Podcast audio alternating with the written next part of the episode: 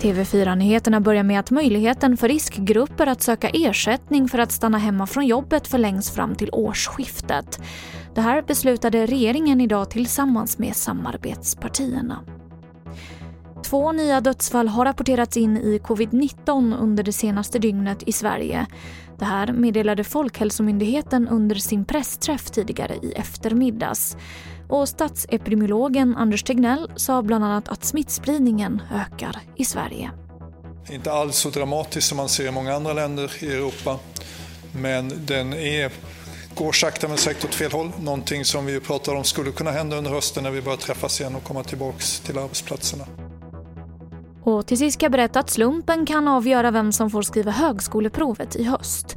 På grund av pandemin så är antalet platser begränsade och tidigare så har den nationella samordnaren sagt att först till kvarn-principen råder. Men många av platserna kommer alltså att lottas ut.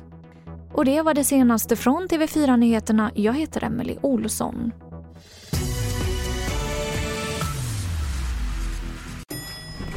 Nej. Dåliga vibrationer är att gå utan byxor till jobbet. Bra vibrationer är när du inser att mobilen är i bröstfickan. Få bra vibrationer med Vimla. Mobiloperatören med Sveriges nöjdaste kunder enligt SKI.